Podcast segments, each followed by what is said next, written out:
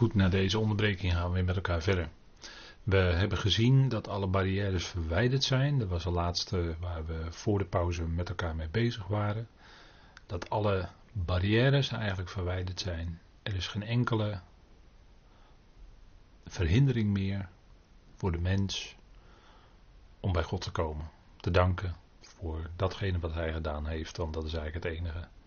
Mens hoeft zich niet te bekeren en hoeft allemaal niet, geen ritueel, niets, helemaal niets van dat alles. Kunt God gewoon danken voor de genade en de verzoening die hij in Christus bewerkt heeft. En geeft. En dat is eigenlijk alles. maar er zitten altijd verstoorders, geestelijke verstoorders, op de lijn die dat willen verhinderen. Het punt is dat verzoening, als we daarover hebben, dan gaan we nog heel even terug naar Colossens 1 vers 19. Want daar staat het, want het hele complement heeft er welbehagen in om in hem te wonen. Ik heb die tekst ook op deze dia even uitgeschreven voor u. En wat wil dat nou eigenlijk zeggen, het hele complement? Nou, het hele complement, en als je daarvan een omschrijving wil hebben, dat is al wat God nodig heeft om zijn wil voor zijn schepselen te vervullen. En dat vindt passende woning in de zoon van zijn liefde. Het is het welbehagen om dat te doen. Dus het is natuurlijk een beeldspraak. Hè? Het hele compliment wordt hier voorgesteld als een persoon. En dat is eigenlijk, als je dat wil omschrijven, dat is eigenlijk al wat God nodig heeft om zijn wil voor zijn schepselen te vervullen. Dus al die macht en kracht en heerlijkheid en vermogens om dat te kunnen doen, om zijn wil door te zetten, dat vindt zijn passende woning in de zoon van zijn liefde. En het is zelfs het welbehagen om dat te doen. Dus God geeft in hem al die mogelijkheden om de wil van God te vervullen. Want de zoon, toen hij op aarde wandelde, was hij er alleen maar op uit om de wil van God te doen. mijn eten en drinken is om te doen de wil van hem die mij gezonden heeft, zei hij toen hij op aarde rondwandelde. En daarmee liet hij zich zien als een waarachtige zoon ten opzichte van de vader. En kunnen we ook zien direct het verschil. De vader is degene die zijn wil bekend maakt en de zoon is het die die wil ook uitvoert, die die wil tot stand brengt. De vader is het die hem zond. De zoon is de gezondene. De vader is het die hem de woorden te spreken gaf en de zoon sprak ze uit. Al wat hij hoorde bij de vader, sprak hij. Al wat hij de vader zag doen, dat werkte hij. Dus dat was allemaal, ging het vanuit God en werkte hij dat door de zoon heen uit. Dus al wat God nodig heeft om zijn wil voor zijn schepselen te vervullen, en dat is natuurlijk de bron daarvan is liefde, de drijvende kracht daarvan is liefde, vindt passende woning in de zoon van zijn liefde. Het is het welbehagen om dat te doen, hè? Eudokia. Eudokeo, Eudokia.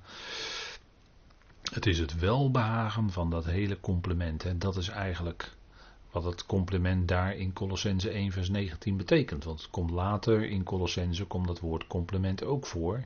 En dan heeft het net weer een andere kant. Een wat andere ja, nuance zou je kunnen zeggen. En dat moeten we steeds per context, hè, in ieder tekstverband moeten we steeds goed kijken waar het over gaat. Waar binnen een woord gebruikt wordt. Dat is ontzettend belangrijk voor een goed begrijpen van de Bijbel in iedere context wordt, vindt, krijgt een woord een bepaalde kleuring. En dan moet je het ook binnen die context laten staan. En je moet niet verschillende tekstverbanden met elkaar gaan verwarren. En ook niet de ene tekstverband laten overheersen over het andere tekstverband. Dat is een fout die vaak gemaakt wordt. Maar helaas, helaas. Maar het is, hier gaat het om het complement. En dat is dan al wat God nodig heeft om zijn wil te vervullen. En dat woont in de zoon van zijn liefde. En dat is het welbehagen. Het hele compliment heeft er welbehagen in om in hem te wonen. Dat is natuurlijk eigenlijk beeldspraak. Maar dat is om voor ons duidelijk te maken waar het om gaat. Hè. Die zoon van zijn liefde is degene die in die zin compleet is dat hij dat hele werk, die hele wil van God ten uitvoer kan brengen. Nou, dat is natuurlijk geweldig. Hè? Dat is, maakt ook duidelijk wat voor een enorme hoge plaats de zoon van zijn liefde heeft. De allerhoogste plaats onder God. En dat maakt Colossense 1 duidelijk. En dan maakt het ook tot zo'n monumentaal hoofdstuk. Als ik dat zo mag, die woorden zo mag gebruiken. Om duidelijk te maken dat hij, die zoon van zijn liefde, en dat is natuurlijk dat hele geheimenis van Christus, hè, want dat, dat hele, die hele wil te vervullen van God, dat is om, om de alles, hebben we vanaf het begin vanavond met elkaar gelezen, Efeze 1 vers 10, om alles onder dat ene hoofd te brengen. En dat ene hoofd zal dan die hele schepping ondergeschikt aan de Vader overdragen, dat hele koninkrijk aan de Vader overdragen. Dat is het geheimenis van Christus. Daar zijn we mee bezig. En dat voert hij uit. En daarin heeft hij een geweldige hoge plaats als de eerstgeborene van heel de schepping. Als de eerstgeborene uit de doden. Want vader wekte hem op. na zijn smadelijke kruisdood werd hij in het graf gelegd. En van die tussentijd nadat hij dood was geworden tot het moment van zijn opwekking wist ook de zoon van niets. Was hij dood. Totdat vader hem opwekte. En toen was het daarna een en al heerlijkheid. En nu zit hij aan de rechterhand of rechterkant van de Vader, in ieder geval de plaats van macht. Dat is ook beeldspraak. Maar dat is de plaats van macht. En het welbehagen. En dat hele compliment heeft er het welbehagen in om in hem te wonen. En daar zien we ook dat, dat alles, God daarop alles heeft gezet in en op die zoon. Dat, eh, en dat was niet een. Uh, dat was geen onzekerheid hoor, maar dat zou zeker zo allemaal gaan plaatsvinden. dat is natuurlijk geweldig. Bij God is het een en al zekerheid, is er geen twijfel. Absoluut niet. Bij God ligt alles vast in dat heerlijke plan, in die heerlijke liefde van de Vader. Nou, geweldig hè, dat we daarin ons mogen verheugen. Deze is mijn zoon, hebben we al eerder gememoreerd, hè, dat het gezegd werd van hem, en dat is zeldzaam hoor, dat er een stem komt uit de hemel, hè, dat God een boodschapper dan laat spreken. Alsof hij zelf sprak, alsof hij zelf spreekt. En zo, zo is het feitelijk ook natuurlijk. Hè. Deze is mijn zoon, de geliefde, in hem heb ik mijn welbagen. Deze, daar gaat het over de knecht, over de obed in Jesaja 42 vers 1. Hebben we al gememoreerd. Matthäus 3 vers 17 bij zijn doop. En Matthäus 17 vers 5 bij de verheerlijking op de berg. En daar werd dat woord over hem uitgesproken. En denk erom dat die woorden, dat die kracht hebben. Dat woord van God is dabar. Dat is niet alleen een woord, maar dat is ook een daad. Martin Buber in zijn verduitsing, samen met Rosenzweig van de Heilige Schrift, die spreekt dan over woorddaad. Hè. Dat is een Duitse dat is een mooi eh, Duits woord wat ze, wat ze waarschijnlijk zelf hebben bedacht. Maar dat zegt het wel, woorddaad in het Nederlands. Een woord wat tegelijkertijd ook een daad is. En als je de Hebreeuwse schrift leest, dan zie je dat het begrip dabar, dat het eigenlijk ook uh, vaak vertaald wordt met uh, zaken of dingen die, gedaan, uh, ja, dingen die gedaan worden. Er zit ook vaak het woord dabar achter. Het is heel boeiend om daar de, verder je mee bezig te houden. Maar die woorden, Marcus 13, vers 31 ziet u op deze dia staan. En dan zegt de Heer: De hemel en de aarde zullen voorbij gaan, maar mijn woorden zullen zeker niet voorbij gaan. Dat geldt natuurlijk voor de schrift. Hemel en aarde, hoe vast het ook lijkt, hoe mooi het ook is.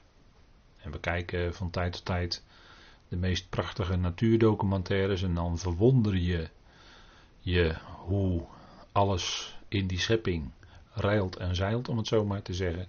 Hoeveel grote en kleine dieren er zijn en allemaal zo hun functie hebben. En hoe wonderlijk dat allemaal in elkaar zit. En hoe prachtig God dat gemaakt heeft. Als je ziet hoe een. Uh, laatst zagen we hoe een. Uh, hoe bijzonder klein een atlasvlinder, wat later dan een atlasvlinder wordt.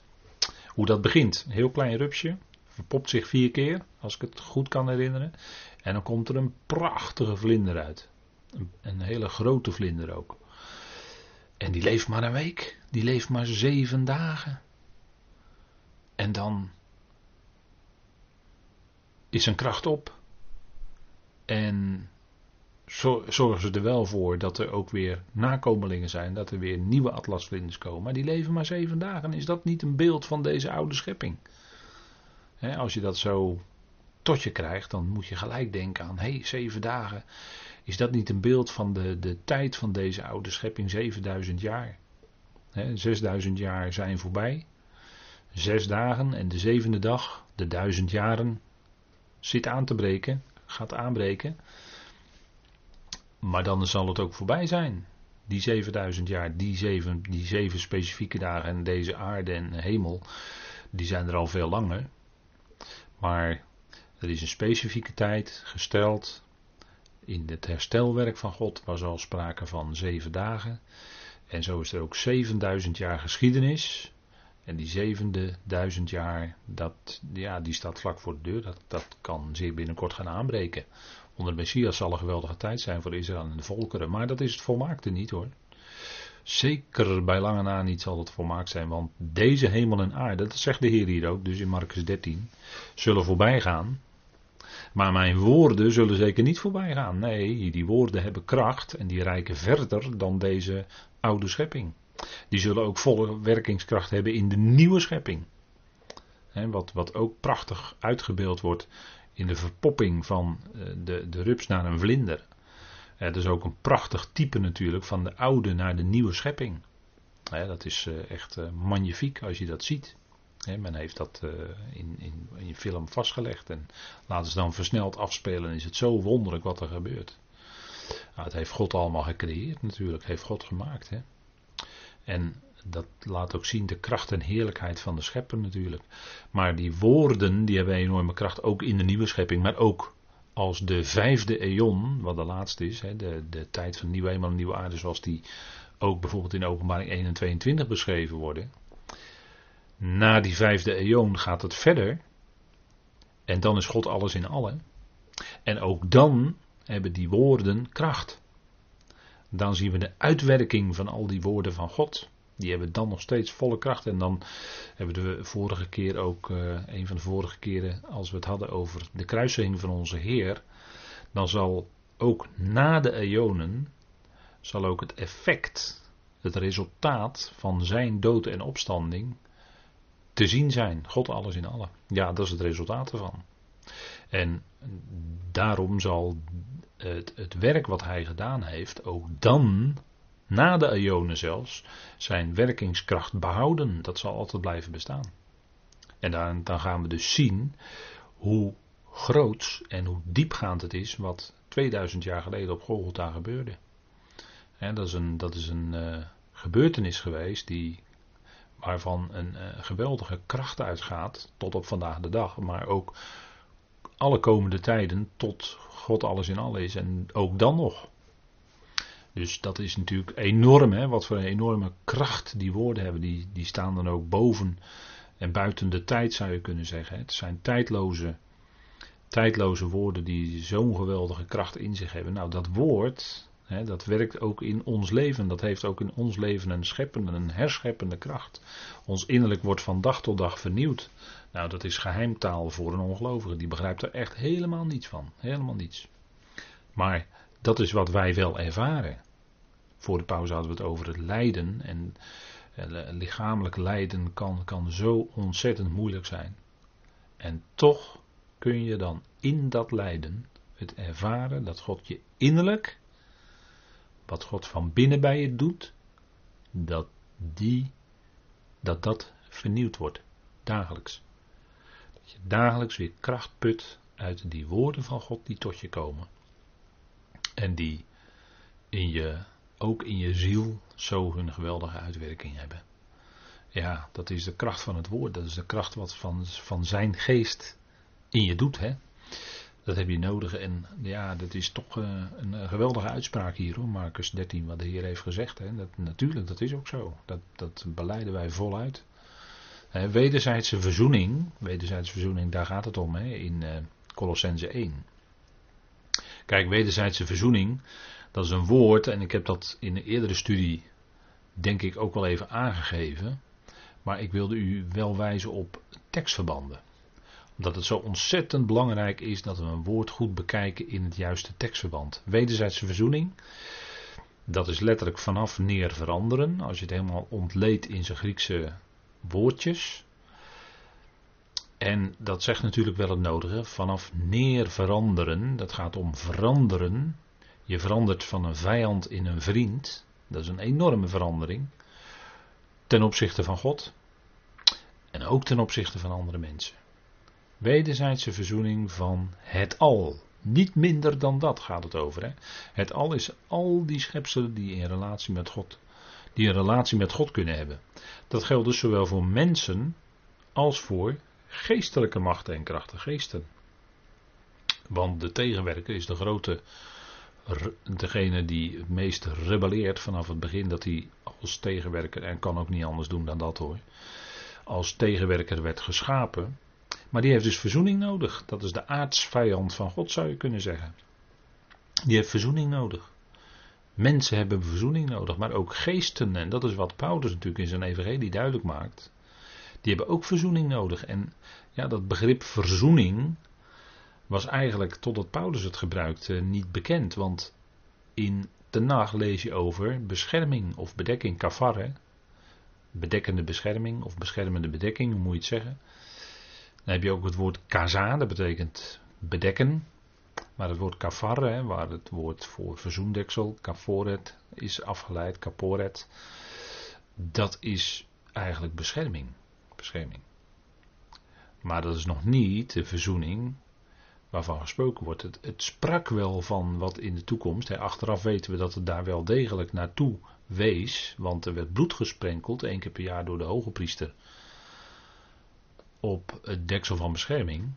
En zo kon men dan weer een jaar lang bestaan voor, voor God. Vanwege dat bloed. En dat was beschermend. Maar daarmee werden de zonden, de zonden niet weggedaan, zegt Paulus in Romeinen 3. Als hij het ook heeft daar over het verzoendeksel. En het verzoendeksel was natuurlijk een type, een heenwijzing naar de Heer Jezus Christus. En die heeft die verzoening wel tot stand gebracht. dus hij is de vervulling van het type. En hij, en bij hem is het volle werkelijkheid. En is, zijn die zonden ook definitief weggedaan. dat zegt Hebreeën 9 ook. Dat hij het ware offer is en wat de zonde wegdoet. Alle schepselen die een relatie met God kunnen hebben, die zullen wederzijds verzoend zijn, daadwerkelijk. En het is uh, in feite al voltrokken op Golgotha. En door zijn, uh, door zijn dood en opstanding is het al voltrokken. Maar daadwerkelijk, om de deel aan te hebben en dat daadwerkelijk zelf als schepsel zo te ervaren, ja, dat is een kwestie van tijd. Dat is een kwestie van stappen die God zet. En de eersten die dat ondervinden is de gemeente die het lichaam van Christus is. De, de gemeenteleden hè, zijn de eersten die dat ondervinden. En dat is ook wat uh, het vervolg is van Colossense 1. Maar dat is een ander tekstverband. Kijk, in het tekstverband van 14 tot en met 20 gaat het over de schepping, alle schepselen, die in de zoon van zijn liefde werden geschapen. Dus dat is van het allerprilste begin, allereerste begin, tot de voltooiing van Gods plan. En dan gaat het om echt het al. Maar dat daadwerkelijke deel hebben aan die verzoening is voor de meeste schepselen nog toekomst. Muziek. Maar voor ons, en dan komen we in een ander tekstverband, want dan gaat Paulus over op het een iets ander onderwerp, namelijk de Colossense zelf, vers 21 tot en met 23. Dan wordt dat woord wederzijdse verzoening weer gebruikt. Maar dan gaat het specifiek om de gemeenteleden die daar het eerste, maar niet het enige, deel aan hebben. Wederzijdse verzoening van de Colossensen lezen wij dus in vers 21 tot en met 23. Maar let op, dat is weer een stukje ander tekstverband. Het gaat over een ander onderwerp. We lezen dat even met elkaar in vers 21. Er staat ook jullie, die eens vervreemd waren en vijanden in denkwijze en in boze werken, verzoent hij nu echter wederzijds. Dus daar heb je dat begrip weer. Maar door dat te zeggen, ook jullie, verandert die van onderwerp, gaat het niet meer over de wederzijdse verzoening van het al, maar nu specifiek over die Colossense. Maar dat het, en, en nu maken uitleggers vaak een denkfout door te zeggen dat het een het ander uitsluit. Dan wordt er gezegd, ja, verzoening van het al, maar je moet er wel deel aan krijgen. En dan gaat men dat al gaat men versmallen tot degene die nu in deze tijd tot geloof komen, bijvoorbeeld. En hoe dat dan was voor het kruis, dat, eh, hoe ze dat dan uitleggen, is vaak niet zo duidelijk. Dat er dan mensen ook gered kunnen worden en, en noem maar op. Maar dan gaat men het al dus versmallen tot degene die nu tot geloof komen. Maar dat kun je niet doen, want dit is een ander onderwerp. Nu in deze tijd specifiek gaat het om de gemeenteleden. Die delen in die verzoening. Of ze dat nou bewust zijn of niet, dat is even een, andere, een ander iets. Maar dat geldt voor de gelovigen, nu. Maar het een sluit het ander niet uit. Nee, het gaat natuurlijk om het al. Dat is nog toekomst. Dat gaat nog allemaal komen. Maar nu gaat Paulus specifiek spreken tegen die Colossense weer. Komt hij weer terug bij die Colossense. Nadat hij in 1 vers 13 dat die lijn verliet. Om bewust te gaan spreken over het werk van de zoon van zijn liefde. In schepping en verzoening. En dan keert hij weer terug in vers 21 bij die Colossense. Dus dan zitten we weer in een wat andere context. Dat is het tekstverband. En die, je moet dus het ene tekstverband niet het andere tekstverband gaan, gaan laten overheersen. En ik noem dat dan een verdwijntruc. Hè? Er gaan uitleggers gaan een soort verdwijntruc toepassen. En er verdwijnen al diegenen die eigenlijk ook in die verzoening begrepen zijn, die verdwijnen. Want het wordt versmald tot de gelovigen. En dat kun je niet doen. Want uitleggers die doen dat bijvoorbeeld ook, dat is een bekend voorbeeld, in Romeinen 3 en Romeinen 5, hè, Romeinen 3 en 4 en 5. Dan gaat men zeggen, ja, in Romeinen 5 wordt gezegd dat allen uh, worden gerechtvaardigd. Maar, en dan komt de verdwijntruc weer, dan gaat men hoofdstuk 3 en 4 nemen. En dan gaat men zeggen, ja, maar het gaat, gezien hoofdstuk 3 en 4, alleen maar om allen die geloven. Maar dat kun je niet doen. Want het zijn verschillende tekstverbanden. In hoofdstuk 3 en 4 van Romeinen heeft Paulus het over de gelovigen nu. En over de gelovigen bij uitstek, onze Heer Jezus Christus. En heeft hij het over de mensen individueel die tot geloof komen. En als voorbeeld, en daar moet je op letten, als voorbeeld noemt hij in Romeinen 4 Abraham. Maar in Romeinen 5 komen we in een heel ander tekstverband terecht. Vanaf vers 12 komen we in een heel ander tekstverband terecht. Want, wat doet Paulus dan? Dan gaat hij spreken over de hele mensheid, over Adam. Dus dan gaat het niet langer over Abraham, de individuele gelovige, die model staat voor de individuele gelovigen van nu. Nee, dan gaat hij spreken over de hele mensheid, vanaf Adam. En dan zit je in een hele andere lijn en een heel ander tekstverband dus ook. En dan kun je dus niet het ene laten overheersen over de ander, want dan pas je. En dan gaat men dus goochelen, hè, om maar even in dat voorbeeld te blijven. Dan gaat men een verdwijntruc toepassen. En verdwijnen die allen, die er eigenlijk ook bij horen, want allen worden gerechtvaardigd. Alle zondaren worden gerechtvaardigd, zegt Romeinen 5 vanaf vers 12. Maar dan gaat men zeggen, en dan gaat men het weer versmallen. Door hoofdstuk 3 en 4 hoofdstuk 5 te laten overheersen. En gaat men dus verschillende tekstverbanden met elkaar verwarren. En dat kun je niet doen. Dan doe je de schrift geen recht. Want dan laat je buiten beschouwing dat het in het ene gaat om Abraham. En in het andere schriftgedeelte gaat het over Adam. Dus een heel ander verband. Gaat Paulus veel breder trekken. En dat zou hetzelfde zijn als dat je Romeinen 1 tot en met 8 zou laten overheersen over Romeinen 9 tot en met 11. Maar dat kun je niet doen. Want dan laat je de betekenis van Romeinen 9 tot en met 11 verdwijnen. Dan heb je weer dus die verdwijntruc. En dan ga je dus hoofdstuk 1 tot en met 8 laten overheersen over Romeinen 9 tot 11. Kun je niet doen. Het zijn verschillende onderwerpen, verschillende contexten. Paulus heeft, Paulus heeft het in Romeinen 9 tot 11 over de volkeren. Israël en de volkeren. En in Romeinen 1 tot en met 8 heeft hij het over individuele mensen. En natuurlijk het uitstapje Romeinen 5 als het gaat over de hele mensheid. Wat, het, wat Christus gehoorzaamheid en zijn overgave heeft betekend voor de hele mensheid. En dan moet je dus steeds stap voor stap kijken. Welk tekstverband zitten we in? Waar gaat het precies, precies over? En dan krijgen die begrippen die misschien hetzelfde gebruikt worden, zoals rechtvaardiging, verzoening, krijgen een veel bredere betekenis. Dus je moet steeds dat tekstverband in de gaten houden. En anders, en dat zie ik vaak gebeuren, en dan word ik zo verdrietig als dat gebeurt, want dan denk ik van ja, nu worden weer heel veel gelovigen op het verkeerde been gezet. Door die verdwijntruc. En dat kun je niet doen, dan doe je de schrift geen recht. Kijk, Paulus die gaat hier spreken in vers 21 tot 23 over die Colossense specifiek, over die gemeente, dus ander onderwerp. Hij verlaat het onderwerp van 14 tot en met 20 en nu komt hij in een ander tekstverband. En dat moeten we goed in acht nemen. En wederzijdse verzoening wordt hier ook gebruikt, hetzelfde woord, maar binnen een iets ander tekstverband weer. En dan gaat het specifiek ook nog eens alleen over mensen, terwijl Paulus het in 14 tot en met 20 had over mensen en geesten. Hemelingen kun je ook zeggen. Dus ook daar zien we een verschuiving van het aandacht. En Paulus wordt dan door de Heilige Geest geleid om zo te schrijven. Hij wordt door God geïnspireerd om het zo te schrijven. Stap voor stap en verschillende onderwerpen.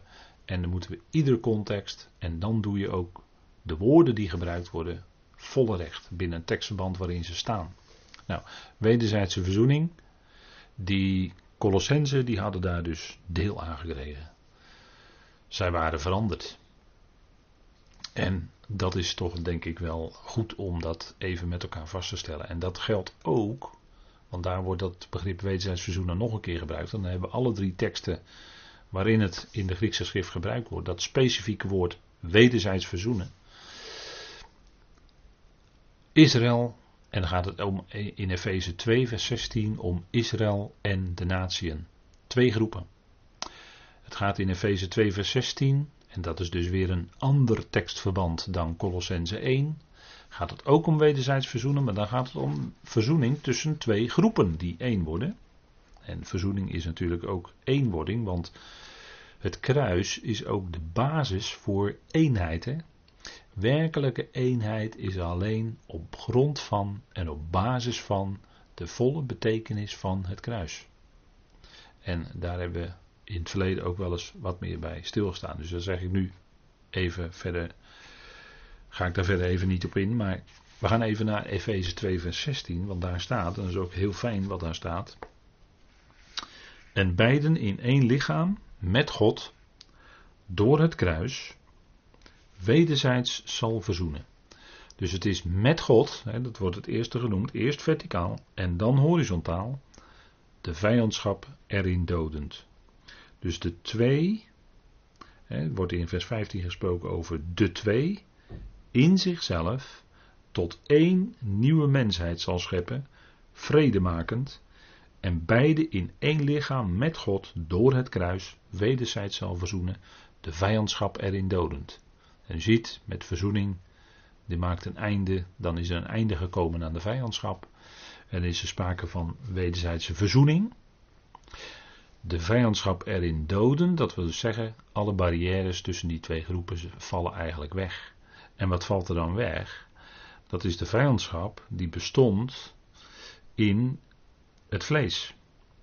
In vers, eh, vanaf vers 11 tot en met 22 gaat het over de verhouding tussen Israël en de natieën. En hier gaat het specifiek over de gelovigen die in deze tijd geroepen zijn uit Israël en uit de natieën.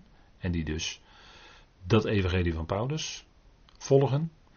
Nou, tussen die twee groepen is er wederzijdse verzoening. Is er dus, komt er dan dus ook eenheid. Hè? De twee in zichzelf tot één. Goed, nieuwe mensheid zal scheppen vredemakend. Dus wordt opnieuw, net als in Colossense hier weer het eerste begrip vredemakend wordt gebruikt. En daarna beiden in één, lichaam, in één lichaam met God door het kruis wederzijds zal verzoenen, de vijandschap erin doden. Dus dan worden die twee groepen worden één. Twee groepen gelovigen die worden één en dan is er geen enkele verhindering meer, want alle barrières zijn weggenomen. Ook tussen die twee groepen. En een barrière die ik dan nog niet genoemd heb is het vlees. Maar ook dat is weggedaan door het kruis. Want het kruis maakt ook een radicaal einde aan het vlees. Hebben we de vorige keer met elkaar ook ernstig overwogen. Hè? Maakt einde aan het vlees. En wil dus zeggen, geestelijk gezien is daar die eenheid. En later komt Paulus erop terug in Efeze 4 vers 1. Of Efeze 4 in ieder geval, de eerste verse. Daar zegt hij dat die eenheid van de geest. Dus niet van het vlees. Nee, die eenheid van de geest. Die is er. En die zouden wij bewaren. Met de band van de vrede. Daar hebben, we het weer. Hè? Dat is ook omdat die vijandschap tussen die twee groepen, die bestond in het vlees, vleeselijke komaf, besnijdenis. Of je afstamde van het volk Israël was bepalend of je bij dat volk hoorde ja of nee. En had je deel aan de verbonden en de belofte en alles. En als je niet naar het vlees afstamde van, dan viel je daar buiten. En tot het moment dat Paulus dit schreef, stond Israël altijd nog op een hoger vlak dan de natieën. Maar door het schrijven van Efeze, met name Efeze 2, worden ze gelijk geschakeld. En laat Paulus zien, geestelijk gezien, zijn ze volkomen gelijk. En is er ook geen onderscheid meer, want onderscheid in het vlees is weggevallen. Vleeselijk komaf, dat doet helemaal niet meer ter zake. Het maakt niet uit, maar dat had hij ook al in Galaten 3 gezegd, hè, de laatste verse. Het maakt niet uit of je Jood of Griek bent, of slaaf, of vrije, of wat dan ook. Nee, in de geest, geestelijk gezien, is alles één, zijn allen één in Christus Jezus. En daar zit een sleutel in, daar zit ook het geheim van vrede. Dan kun je ook daadwerkelijk vrede houden, vrede bewaren. de band, dan is daar ook die band van de vrede. Als je niet rekent met en naar het vlees, dan ga je gewoon volledig aan voorbij, omdat dat, dat de schrift dat duidelijk maakt, dat het nu eigenlijk helemaal geen rol meer speelt. En het zou dan ook geen rol meer spelen onder gelovigen, hè, dat vlees. Want het maakt alleen maar verhindering en schept afstand en vijandschap. Als je daar nog mee rekent. Maar als je rekent geestelijk gezien, dan is er wederzijdse verzoening. En is er geen enkele barrière meer tussen die twee groepen. En het hele verschil is weggevallen. En hebben we allen in één geest toegang tot de Vader. Daar eindigt Efeze 2 mee. En, en zo is het voor iedereen in één geest. Vrije toegang. Dus geen poorten meer, geen zorg meer, geen, geen tempel, geen voorhang meer. Dat is allemaal weg. In de geest hebben we vrije toegang tot de Vader.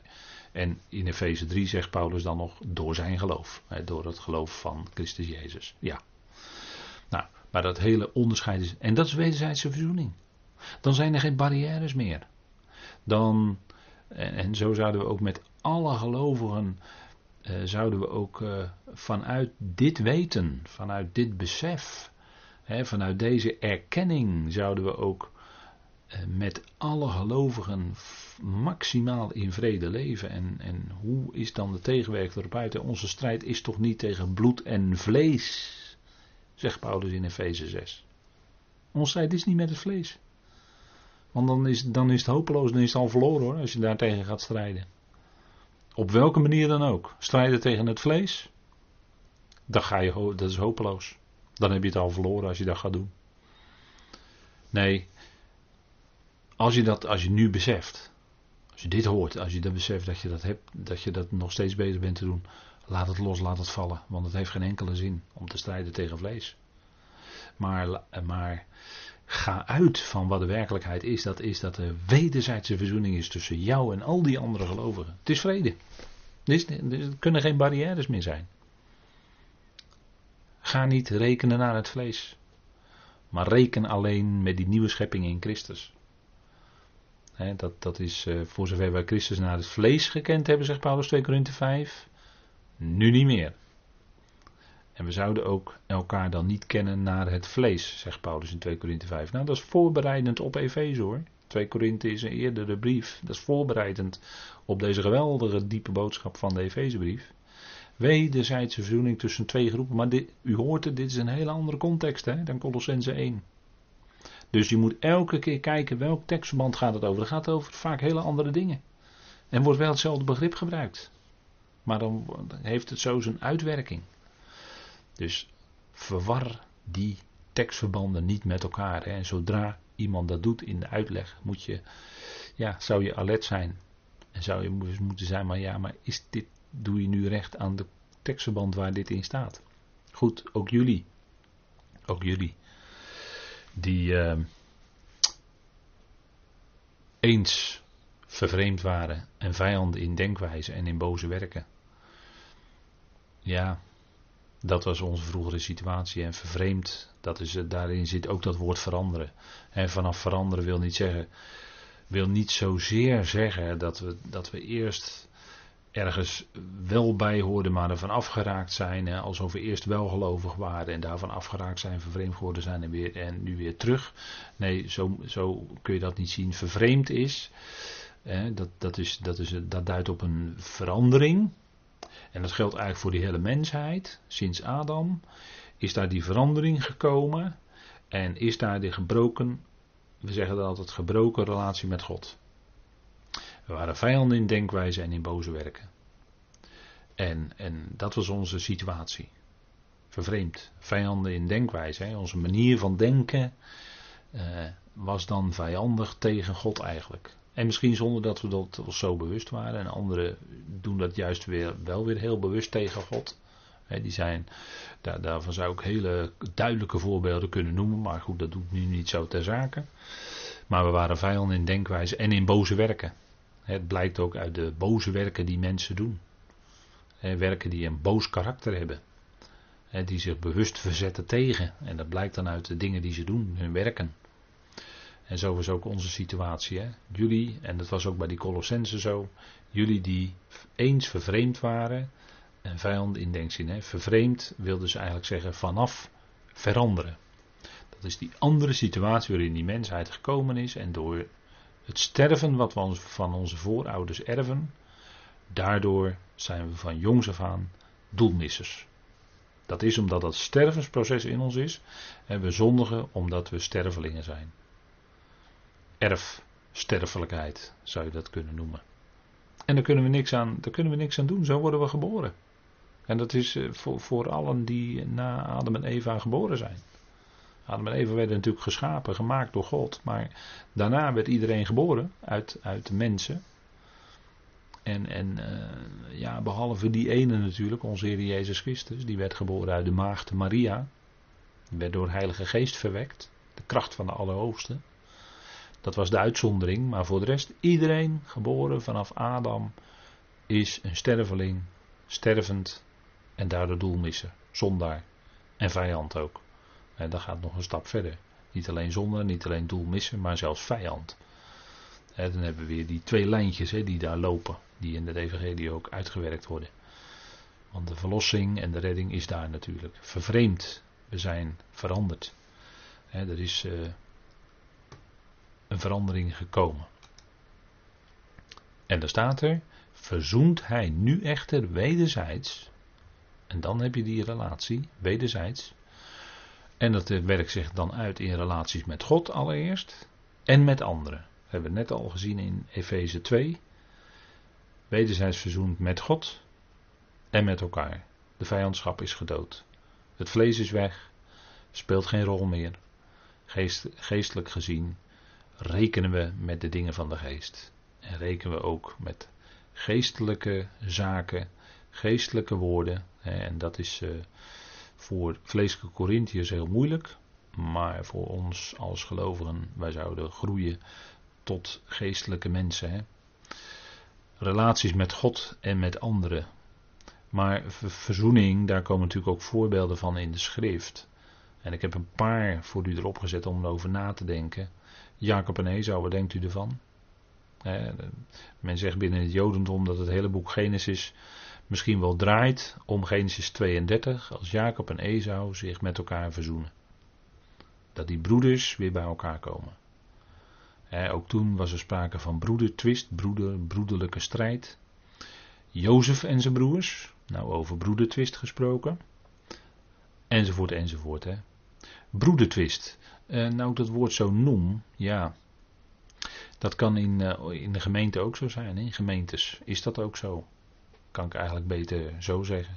Helaas, broeder, broederlijke twisten zijn er al vele geweest en vandaag de dag is dat nog steeds aan de gang. Dat is verdrietig. En we zouden dan ook gecorrigeerd worden door dit woord van verzoening.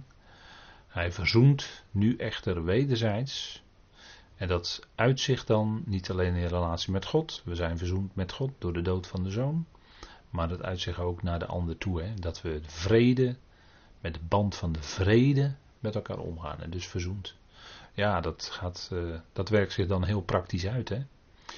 En uh, ja, dan zou je zeggen, uh, tussen broeders, twist, blijvende onvrede. Moeilijk hoor, moeilijk. Dat zijn hele moeilijke dingen. Zeker in het licht van het evangelie. En het punt is dat het evangelie, ik heb de vorige keer in een studie ook gezegd, het raakt ons hart met een T en het raakt ons hart met een D, dat kruis. En dat is ook zo. Want het snijdt het vlees weg. En we zouden dat dan ook zo aan dat kruis laten, om het zomaar in een beeldspraak te zeggen.